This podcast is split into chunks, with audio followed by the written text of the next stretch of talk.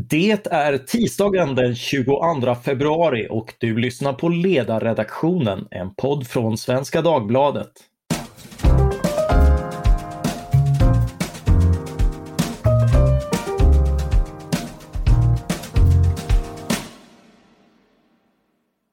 Jag heter Mattias Svensson och dagens ämne är betyg. Hur fungerar de egentligen? Med mig för att diskutera detta har jag Hannes Theander, undervisningsråd på Skolverket, Björn Tyrefors, forskare på Institutet för näringslivsforskning och Roger Karlsson, utbildningsdirektör vid Academedia för NTI-gymnasiet. Välkomna allihop! Tack så mycket! Tack, tack! Tack! Själv är jag ju gammal nog att ha fått betyg i form av siffror 1 till 5 faktiskt redan i tredje klass på lågstadiet. Eh, och en del av er som lyssnar fick kanske sina betyg i små och stora A och B och förhoppningsvis inte så mycket senare i alfabetet. Eh, men det, kan ju ha hänt, det har ju hänt en del på betygsområdet. Så min första fråga blir om någon kan redogöra kort och översiktligt för dagens betygssystem jag skulle kunna säga någonting kort om dagens betygssystem. Och det är alltså Hannes som pratar här.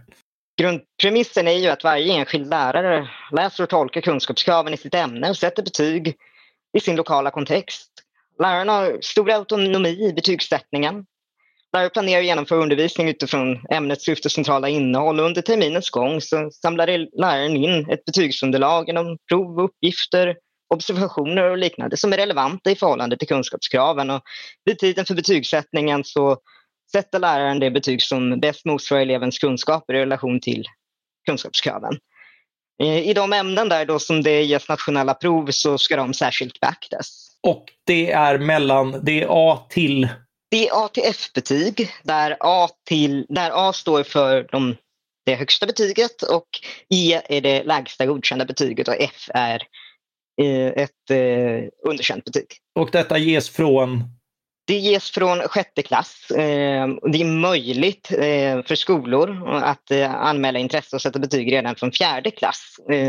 Men, och det är cirka 20 skolor i landet som gör det idag. Övriga skolor sätter betyg från sjätte klass. Och det är samma betygssystem på gymnasiet? Ja, betygssystemet är eh, samma i stort sett i de olika skolformerna. Det finns några små skillnader eh, när det gäller till exempel grundsärskolan och vuxenutbildning inom vissa delar av de utbildningarna där man har lite annan betygsskala eller anna, andra eh, delar där man till exempel inte sätter det underkända betyget. Men i stort sett detsamma i grundskolan och gymnasieskolan. När, när betyg diskuteras idag är det ofta i termer som glädjebetyg och betygsinflation. Så om jag börjar med dig Hannes, du ledde arbetet med rapporten Likvärdiga betyg och meritvärden som presenterades 2020. Eh, fick ni koll på vad de här termerna betyder och kan man mäta dem? Ja men precis. Betygsinflation brukar definieras som att betygsnivåerna höjs över tid utan att elevernas kunskaper ökar i motsvarande utsträckning. Glädjebetyg är ju lite kanske mer begrepp som förekommer i diskussionerna. Man kanske kan säga att det är snällbetyg, att man ibland då uppfattar det som att huvudmän, rektorer, lärare, elever har incitament att se till att elevernas betyg blir högre än, än eh, deras kunskapsnivå. Eller, och för den delen att man kanske ibland sätter ett godkänt även om eleven egentligen inte har kunskaper motsvarande ett godkänt betyg. Eh, så, så det, det, sen, sen då så pratar vi i vår rapport om likvärdiga betyg och det är ett bredare fenomen som omfattar eh, andra saker eh, kopplat till, till eh, betygssättningen. Eh, och Eh, vi, kan ju, vi ser ju olika saker kopplat till detta. Till exempel så visar vi ju att det finns en olikvärdig betyg i hela betygssystemet. Eh, vi ser att friskolor är något mer generösa i sin betygssättning än eh, skolor med kommunala huvudmän. Men det varierar också väldigt mycket både in, men, inom huvudmän och inom skolor. Fristående skolor tenderar bedöma de nationella proven något mer generösa, bland annat Jonas Vlachos visat, professor i nationalekonomi och tenderar att ha en något mer generös betygssättning i relation till de nationella proven vad vi kan se dock, alltså att huvudförklaringen till den bristande likvärdigheten, oavsett huvudman, det tenderar ju att vara eh, svårigheter att nå en nationell likvärdighet eh, genom tolkning av kunskapskrav eller betygskriterier. Ett exempel på det är relativ betygssättning som vi har påvisat i flera rapporter. Att lärare i hög grad gör tolkningar av de här kunskapskraven eller betygskriterierna som inte helt enkelt är samstämmiga. Eh, man är inte överens om tolkningar av de här prestationsnivåerna. Och det är inte så konstigt egentligen för att alla lärare sitter ju inte i ett och samma rum och, och sam, eh, pratar om exakt hur man ska lägga kravnivåerna. Så det här är egentligen inget, som du konstaterade, inget vi kan lasta lärarkåren för. Eh, lärarkåren sätter rättvisande eh, betyg. Man diskriminerar inte elever på grund av kön eller socioekonomisk bakgrund eller liknande. In, eh, kan vi se väldigt, väldigt små effekter av. Utan det stora problemet här är att systemet inte riktigt ger förutsättningar för lärare att sätta nationellt likvärdiga betyg. För man har inte nationell referensram i tillräcklig grad, förutom de här kunskapskraven då, som är tolkningar av, av ord. Det skiljer sig alltså eh, mellan olika skolor också med samma huvudman? Eh, skiljer det sig geografiskt eller eh, annat? Eller kan man se någon sån? Alltså, vi, kan ju se, vi kan ju se att det till och med skiljer inom skolor. Att, att olika, ibland då lärare inom samma skola sätter olika betyg, gör olika tolkningar. Till viss del alltså, så bygger fenomenet på att lärarna så att säga har för ögonen den skala man tillämpar vid betygssättningen den, den, bygger på vilka prestationer man har sett, vilka kunskaper man har sett. Där det högsta betyget tilldelas de då som har absolut bästa kunskaperna i ämnet och eh, de som har lägst kunskap eller bristande kunskaper i ämnet de, de ges ett underkänt betyg. Eh, sen är det ju mer komplext än så. Man tittar ju på relevanta saker utifrån kurs och ämnesplanerna, kunskapskraven, självklart. Eh, men, men det blir att man anpassar sin egen måttstock utifrån de olika elever man har sett. Eh, så. Och det påverkar förstås utifrån geografi eller vart skolan ligger, skolans prestationsnivå. På vilket sätt är det ett problem att betygen ser olika ut? Det är ett problem utifrån olika aspekter. Dels är det ett problem utifrån att eh, betygen används för urval och behörighet till nästa utbildningsnivå. Och då är det väldigt viktigt att betygen är nationellt likvärdiga. Det vill säga att man får en, en rättvis chans att komma in på en viss utbildning då. Om det är så att man har mot de kunskaper som, eh, och att man har de kunskaper som krävs för ett visst betyg och sen klarar den utbildningen. Att betyget står för en viss kunskapsnivå helt enkelt. Om, om jag går vidare till dig Björn, du har också forskat kring betyg i högstadiet och hur väl de motsvarar framtida kunskaper i gymnasiet. Kom du till liknande slutsatser? Jag kanske ska säga att jag har väl främst forskat på nationell, nationell provbedömning. Eh, inte så mycket om betyg eftersom det är, ett, eh, är väldigt svårt att se hur man skulle kunna använda det i det svenska systemet, att utvärdera det. Liksom. Eh, hur, hur kommer det sig? Ja, det sätts ju av den egna läraren, liksom, av den ena, egna enheten. Så de har ju liksom total kontroll över den. Det blir svårt att använda ett sådant mått för, att, för utvärdering. Så jag har ju mm. försökt att fokusera då på nationell, nationella provbedömningar och framförallt när man rättar dem anonymiserat. Och det är väl det som jag har gjort mest i olika kontexter, att eh, försöka hålla någonting eh, som någon form av jämförelsevärde som inte går att manipulera eller göra skevt på gruppnivå så att säga. Eh, mm. Så att det är väl mest det jag har eh, forskat på eftersom det andra är betydligt svårare och jag har, liksom, det är svårt att eh, hantera den problematik som, som uppstår i och med att den egna läraren sätter eh, provet. Men man kan däremot, ja, om man har en, ett, ett benchmark, så kan man ju däremot kontrastera den egna verksamhetens bedömningar av elever mot detta för att se om det finns eh, grupporättvisa i alla fall. Mm. Har du hittat några sådana? Jo, men det finns ju vi har nu pratat om friskolor, det är väl liksom en sån stor grej som, som jag och Jonas Blachus har forskat om och, och visat mm. i och med, med, med Skolinspektionens omrättade data eh, som visar på kraftig eh, nationella prov eh, bedömningsinflation så att säga. De, de bedömer samma prov eh, som, som högre. Metoden är att liksom jämföra det egna satta utfallet, i det här fallet nationella provresultat, med någonting som är anonymiserat. Mm. Där man inte kan vara skev på gruppnivå. Det betyder ju inte att man kommer hitta rätt eh, absolut nivå som Hannes är inne på. Det är ju det är någonting okänt. Är ju, vi vet ju inte vad den absoluta korrekta nivån är. Men det blir i alla fall eh, så att man kan, ut, man kan utröna huruvida friskolor sätter för höga eller inflaterar relativt de kommunala verksamheterna eh, bedömning av nationella prov eller man kan se om eh, elever eh, med utländsk bakgrund blir förfördelade och så. Och då finns det väl, förutom då friskoleresultaten, så, så är det väl liksom, och det är väl globalt så, att i princip är det väl så att det också finns eh, grupporättvisa på, i andra grupper då, så, som, som, ja i Sverige så, så är det väl utländsk bakgrund som jag har hittat, men även barn födda sent på året. Eh, men sen så finns det ju andra, i andra, från andra länder som handlar om pojkar. Eh, ja, eh, eller om eh, svarta i Brasilien eller om eh, lågkastiga i Indien eh, med samma metod. Då. Det vill säga ofta så finns det, det finns en eh, sammanhang här som, som är ungefär så här att de elever som presterar dåligt i skolan, som vi vet presterar dåligt på riktigt liksom, de verkar få en ytterligare bestraffning ofta när man ska försöka bedöma dem. Så det verkar liksom, det är någon form av snöbollseffekt. Ja, det, det är ju väldigt intressant därför att väldigt mycket, eh, inte minst i Sverige, handlar ju om ett kompensatoriskt uppdrag och, och, eh, och, och en diskussion om att, eh, att, att man inte vill stämpla någon med det. Men, men du ser alltså att det förekommer och, och är vanligt?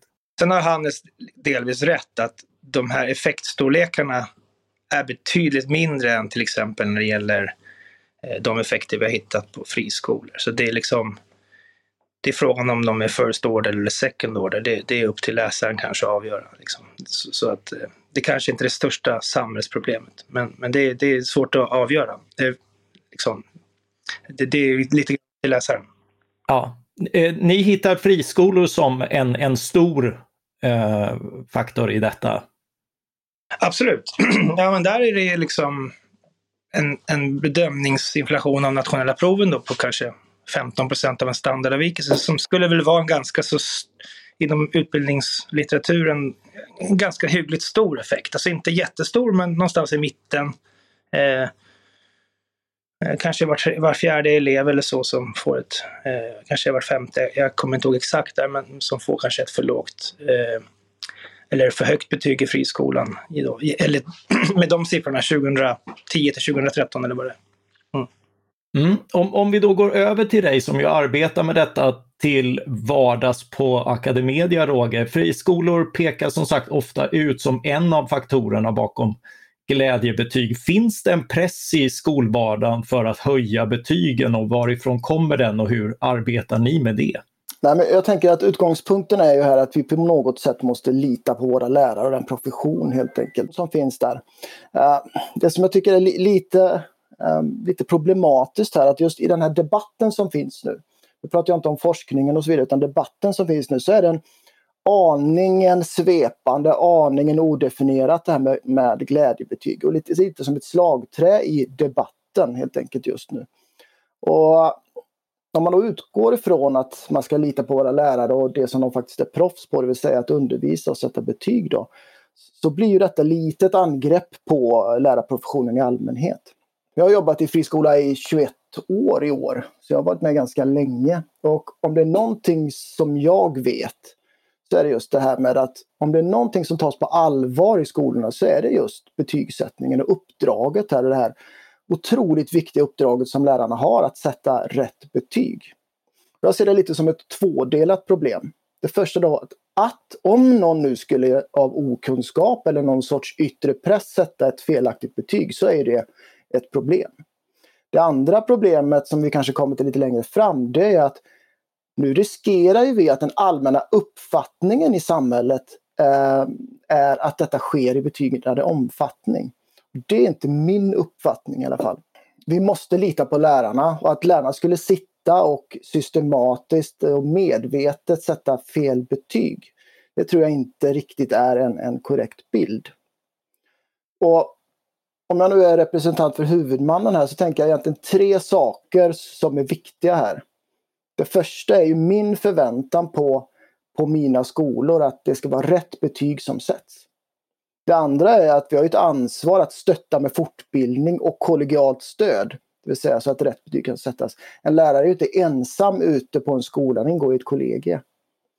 Och kanske det tredje och viktigaste saken som vi jobbar ganska mycket med det är att skapa en kultur där, där samverkan mellan lärare är liksom en självklarhet, att man stöttar varandra. Så att det här med betygspress eh, vill jag hävda har jag inte sett på det sättet som det beskrivs. Men däremot att det finns höga ambitioner, det vill säga att alla elever ska nå så långt som möjligt. Det, är en, det kan vara en, en pressande faktor för lärarna att vi, att vi har höga ambitioner och att, att eleverna verkligen ska nå sin fulla potential. Men jag vill ju hävda då att, att, att vi då är eh, äh, Academedia, i det här fallet NT-gymnasiet är ganska bra på det här. Dels att skapa strukturer för, för, för det här men också med stöd och fortbildning. Till exempel kursen Betyg och bedömning som ursprungligen kommer från Karlstads universitet. Men också då att kratta manegen för just den här kollegiala samverkan. Så att vi ska sätta rätt betyg. Och mm. få en, en så stor likvärdighet vi kan. Ni är ju en huvudman, ni, ni har, du ansvarar för gymnasier från Luleå i norr till eh, Malmö i söder om jag fått det, eller till och med Ystad kanske. Eh, ja, Kristianstad, Malmö i söder. Ja, Eh, och eh, där måste ju också den, de här eh, olikheterna som, som Hannes har konstaterat eh, uppstå. Hur, hur hanterar man när, när man märker att det inom koncernen eh, varierar? Vi har ju faktiskt en bra koll på detta utifrån den datan som vi har internt. Och Det som händer då egentligen är att vi har uppföljningar på med skolorna men också då med regionerna Eh, med de olika personer som jobbar med kvalitetsutveckling för oss. För att hitta liksom vad är det som har hänt och vad, vad, är, vad är det för stöd som vi kan sätta in för att det ska bli ännu bättre. Men det det bottnar i här tycker jag, det är den här likvärdighetstanken. Uh, och, och det här är ju ett som Hannes eh, och Björn till viss del var inne på, det är att det här är ett system som gör det väldigt svårt att hitta en, en helt jämförbar och likvärdig bedömning.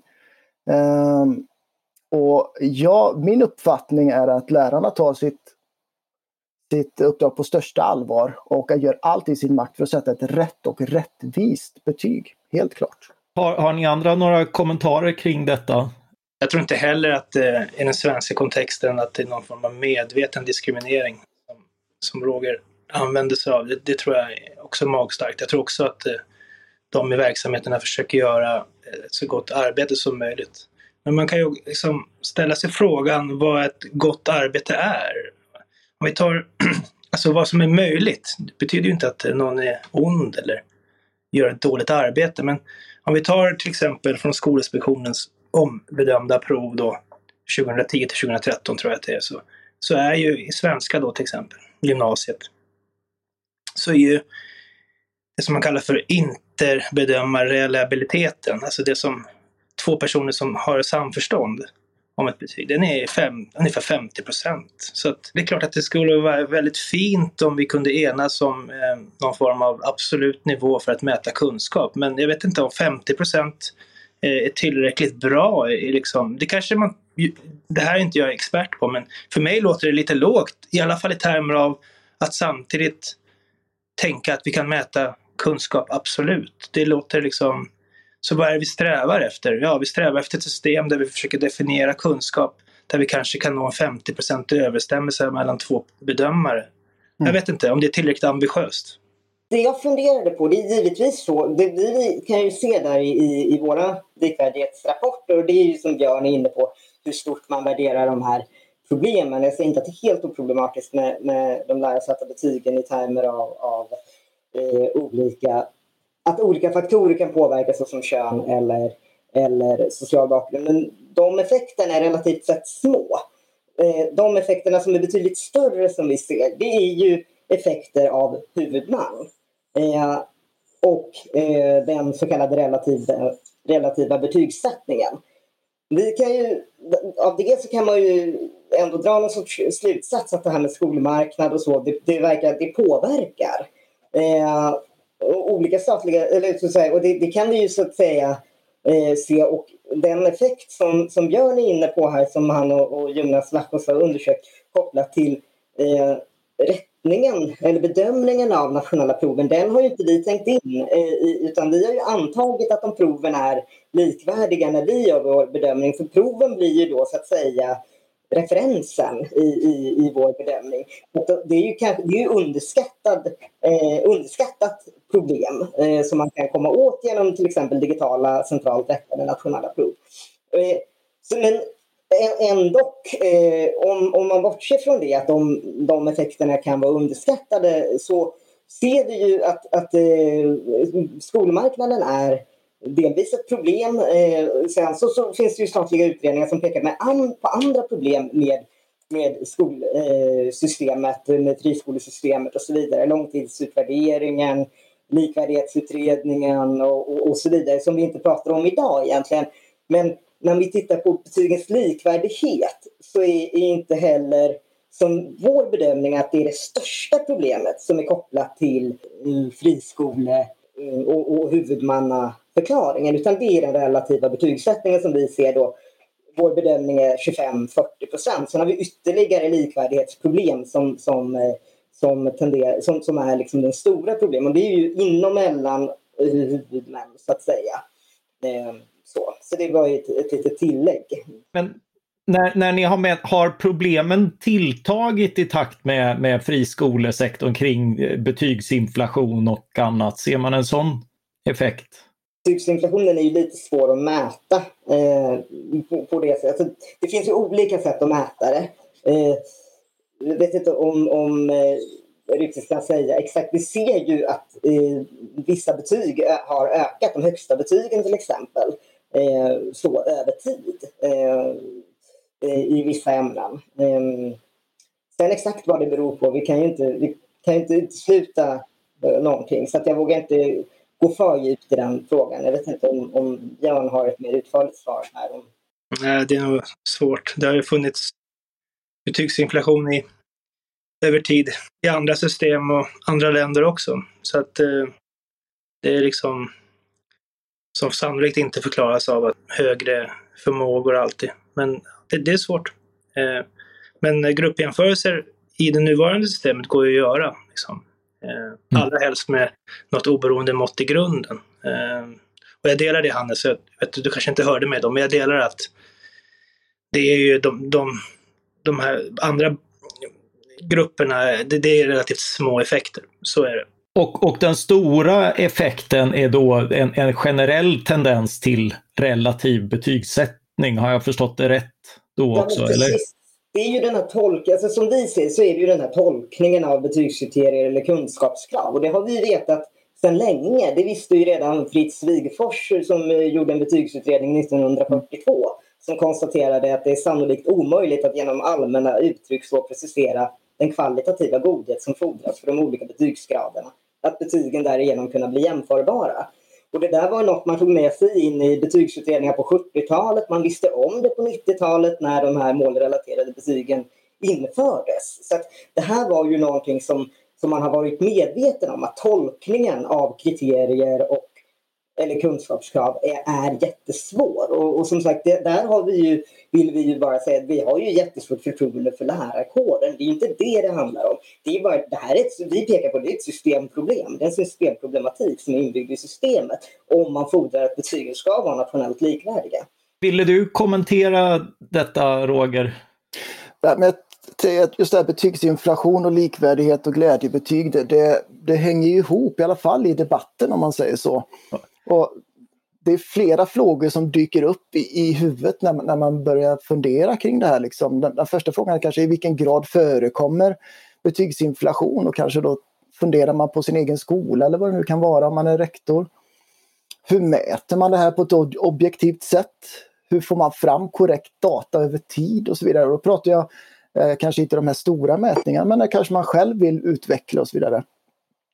Och jag tänker att om man bara blickar lite framåt så här och, och både tittar på likvärdighet och, och som, som är kopplat givetvis till, till eventuella glädjebetyg och kanske bristande likvärdighet så, så är det någonting, hur gör vi då för att få liksom långsiktighet, mätbarhet och stabilitet över tid?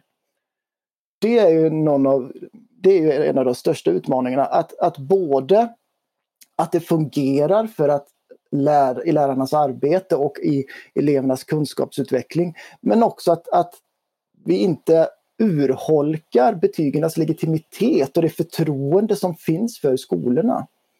Och här, här tror jag att vi, vi behöver arbeta på alla fronter samtidigt för att få en, en ökad eh, långsiktighet och en ökad stabilitet. Mm. Jag tänkte gå över, jag är som sagt gammal nog att ha fått de gamla relativa betygen och att ha mötts av beskedet att det tyvärr var slut på femmor. Det sattes alltså mer eller mindre utifrån en normalfördelningskurva och det kunde ju kännas orättvist om man gick i en klass med många begåvade kamrater. Så alltså vill jag ha betyg som istället mätte vars och ens kunskaper så att man slapp den orättvisan. Och så blev det också på 1990-talet. Jag blev därför lite förvånad när jag läste i rapporten Likvärdiga betyg och meritvärden att det här sättet att sätta betyg är dåligt för att jämföra meritvärden, alltså att använda som ut, urval för högre studier. Du har varit inne på det Hannes, men kan du utveckla det?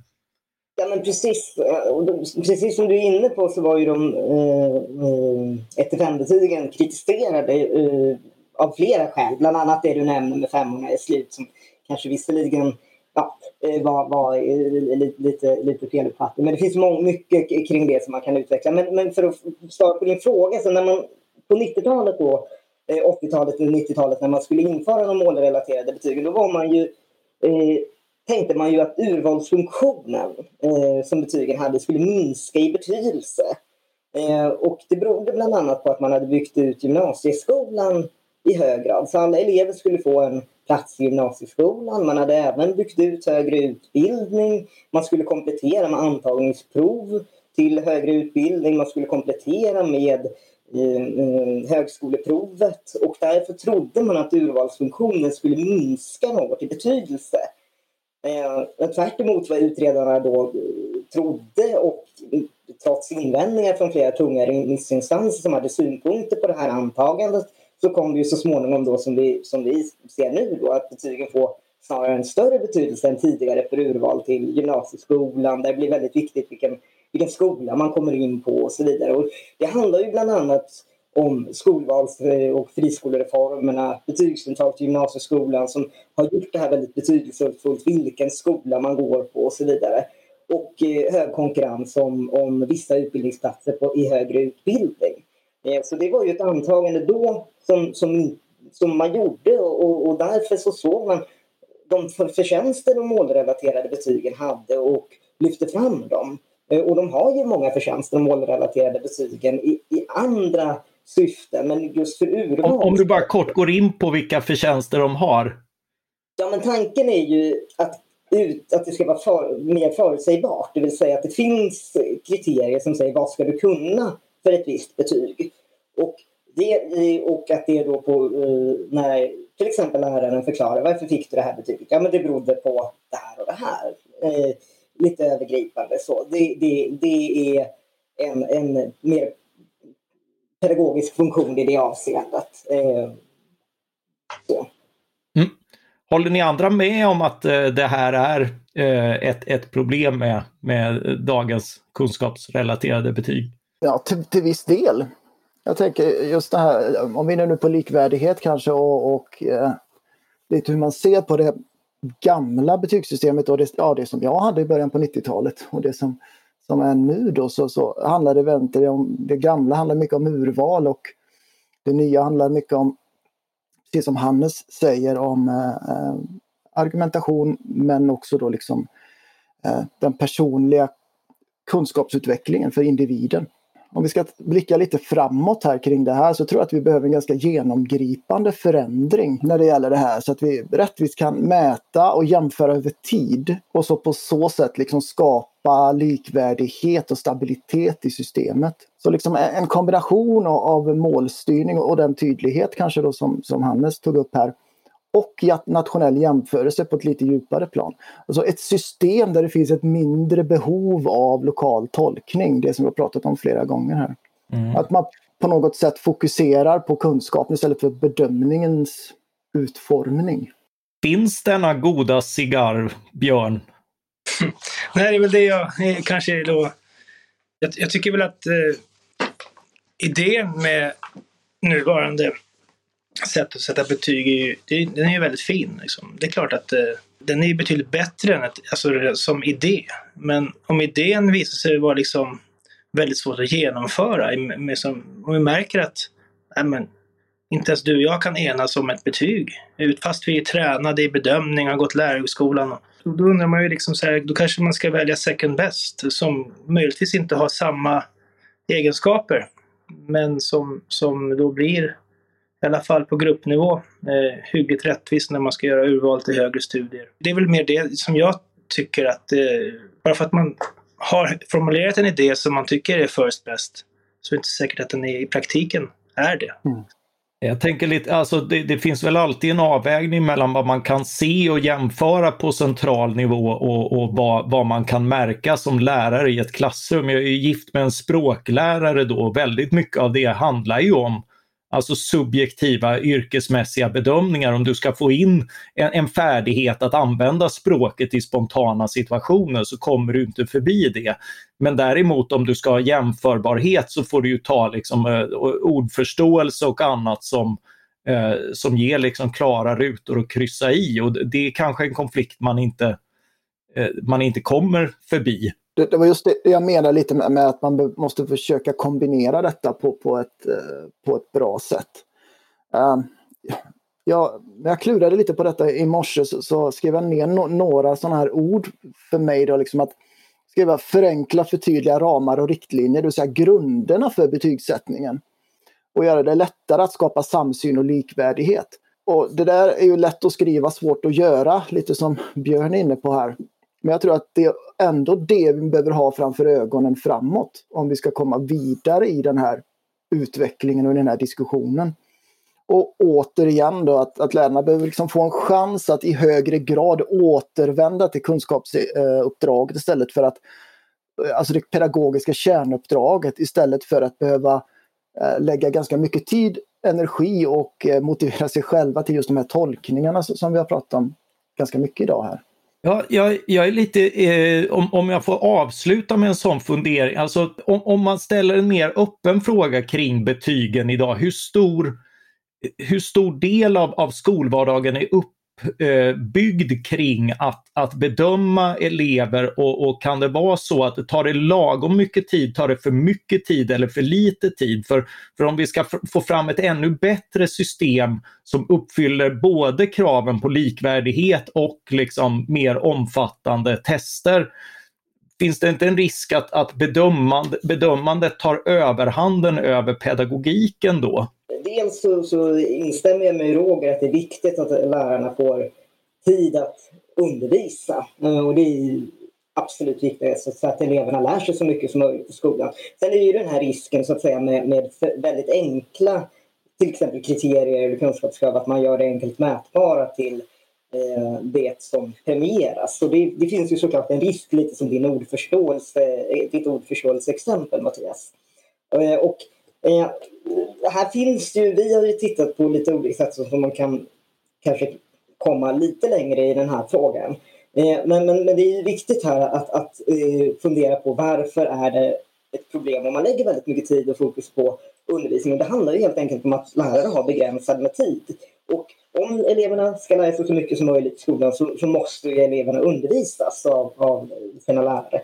Eh, och då är det ju olyckligt om, om väldigt mycket tid går åt till bedömning och betygssättning. Eh, alltså oskäligt mycket tid till det. Givetvis ska det få, det är ett viktigt uppdrag, det är myndighetsutövning och man ska ge, ge ordentligt med tid och samla in ett brett och varierat betygsunderlag. Eh, men vi ser ju exempel på där elever vittnar om att de ibland kommer till skolan inte för att lära sig saker utan att bli testade på redan befintliga kunskaper. Eh, och då har du ju blivit lite tokigt.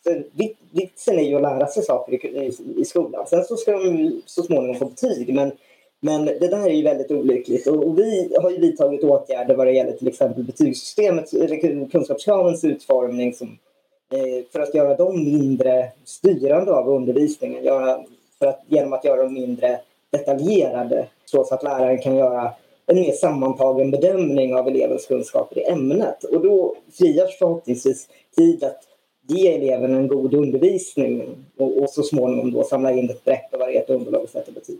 Jag tolkar det som att betygen fyller en, en funktion men kanske har en lite för stark roll idag. Är det alltså, det har blivit väldigt mycket fokus på mätning i skolan. Att pröva elevens kunskaper. Och det, de signaler vi får eh, Eh, från lärare, rektorer och, och, och eh, även forskning visar ju att det, det, det, har kommit in i någon typ av mätparadigm eller testparadigm. Och, och det, det, är ju väldigt problematiskt om det tränger undan undervisningen. Men jag skulle gärna vilja tillägga Hannes, liksom, så kanske man kan se det liksom. Men mätparadigmet gällande oberoende mått, saker som inte kan manipuleras. Jag, kan inte se att det har varit någon större utveckling av den eh, över Däremot väldigt många mått kan man ju märka och det gäller ju egentligen överlag eh, offentliga tjänster som bedrivs antingen kommunalt eller, eller outsourcas eller i friskolesystem eller så. Så där tycker jag inte att eh, det är möjligt att man mäter väldigt mycket och det blir mer så men att att oberoende mått tycker jag ofta saknas. Min uppfattning och de signaler som jag får, får från skolorna här och har fått under många år det är att mer och mer energi och tid läggs just på, på just den här bedömningsdelen som, Anders, som, du, som du pratar om här. Så, så, att del av utmaningen blir ju precis som jag sa, liksom, att, att, hitta, att hitta de sakerna som är relevanta att mäta eller bedöma och förenkla detta så att mer tid kan läggas på själva eh, kärnverksamheten eller, eh, när det gäller alltså undervisningen. Och, och, det är en utmaning i sig och det kan finnas vissa risker som du säger Hannes med att förenkla men jag tror att vi skulle vinna ganska mycket på det. Att förenkla och återigen lita på eh, lärarna och deras profession, deras yrkesutövande. För detta är ett svårarbetat system. Och allt vi kan göra för att, för att förenkla det Eh, och ta vara på den oerhörda kunskap som finns hos lärarna, desto bättre tror jag det kommer att gå i framtiden. Ja, nej, men alltså, absolut. Så, så betygen har ju eh, eh god prognosförmåga och den kunskap eh, lärarna har om elevens kunskaper är viktiga att ta vara på. Eh, vi har tittat på lite olika sätt att, att eh, så att säga eh, hantera det i den här rapporten Likvärdiga betyg och meritvärden. Eh, det är ett diskussionsunderlag och, och det liksom, saker behöver utredas mer om man skulle gå vidare med någonting. Men, men där finns det ju olika förslag på modeller som försöker kombinera ett mer, som Björn är inne på, mer oberoende mått eh, med lärares betygssättning för att därigenom stabilisera betygen, göra dem mer nationellt likvärdiga helt enkelt. Om vi kort skulle sätta ett betyg A till F på dagens betygssystem, vad skulle ni sätta då? E. Ja, jag skulle säga att jag behöver ha mer underlag. Nej, eh, jag tror att eh, ett, ett E. Och Hannes? Det beror på vad betyg, i vilket avseende betygssystemet ska användas. Olika, eh, eftersom betygen har flera olika funktioner så, så får man ju liksom utvärdera varje funktion för sig så att säga. Men vad vi konstaterar är ju att det finns problem med likvärdigheten, nationell likvärdighet och vill man använda det för det sättet så skulle man behöva se över vissa saker. Och det, det är ju det vi pekar på i likvärdiga betyg och meritvärden, den rapporten helt enkelt. Mm. Där får jag tacka er eh, för den här diskussionen. Hannes Theander, undervisningsråd på Skolverket, Björn Tyrefors, forskare på Institutet för näringslivsforskning och Roger Karlsson, utbildningsdirektör vid Academedia. Tack så mycket för att ni var med i dagens podd. Tack också till alla er som har lyssnat på ledarredaktionen. Vill ni ge dagens podd underbetyg eller vill ni föreslå att vi sätter andra mål för kunskaperna vi ger er? Mejla era omdömen till ledarsidan svd.se. Jag vill också passa på att tipsa om våra grannpoddar här på Svenska Dagbladet. Dagens Story avhandlar dagligen ett aktuellt ämne på 15 minuter, ett så kallat kvartssamtal. Och varje vecka, vanligen på onsdagar, utsätts såväl våra makthavares bokskrivande som deras senaste utspel för magistral granskning och stränga omdömen i podden Politiken. Producent för det här avsnittet var Jesper Sandström. Jag heter Mattias Svensson och jag hoppas att vi hörs snart igen. Tack för den här gången.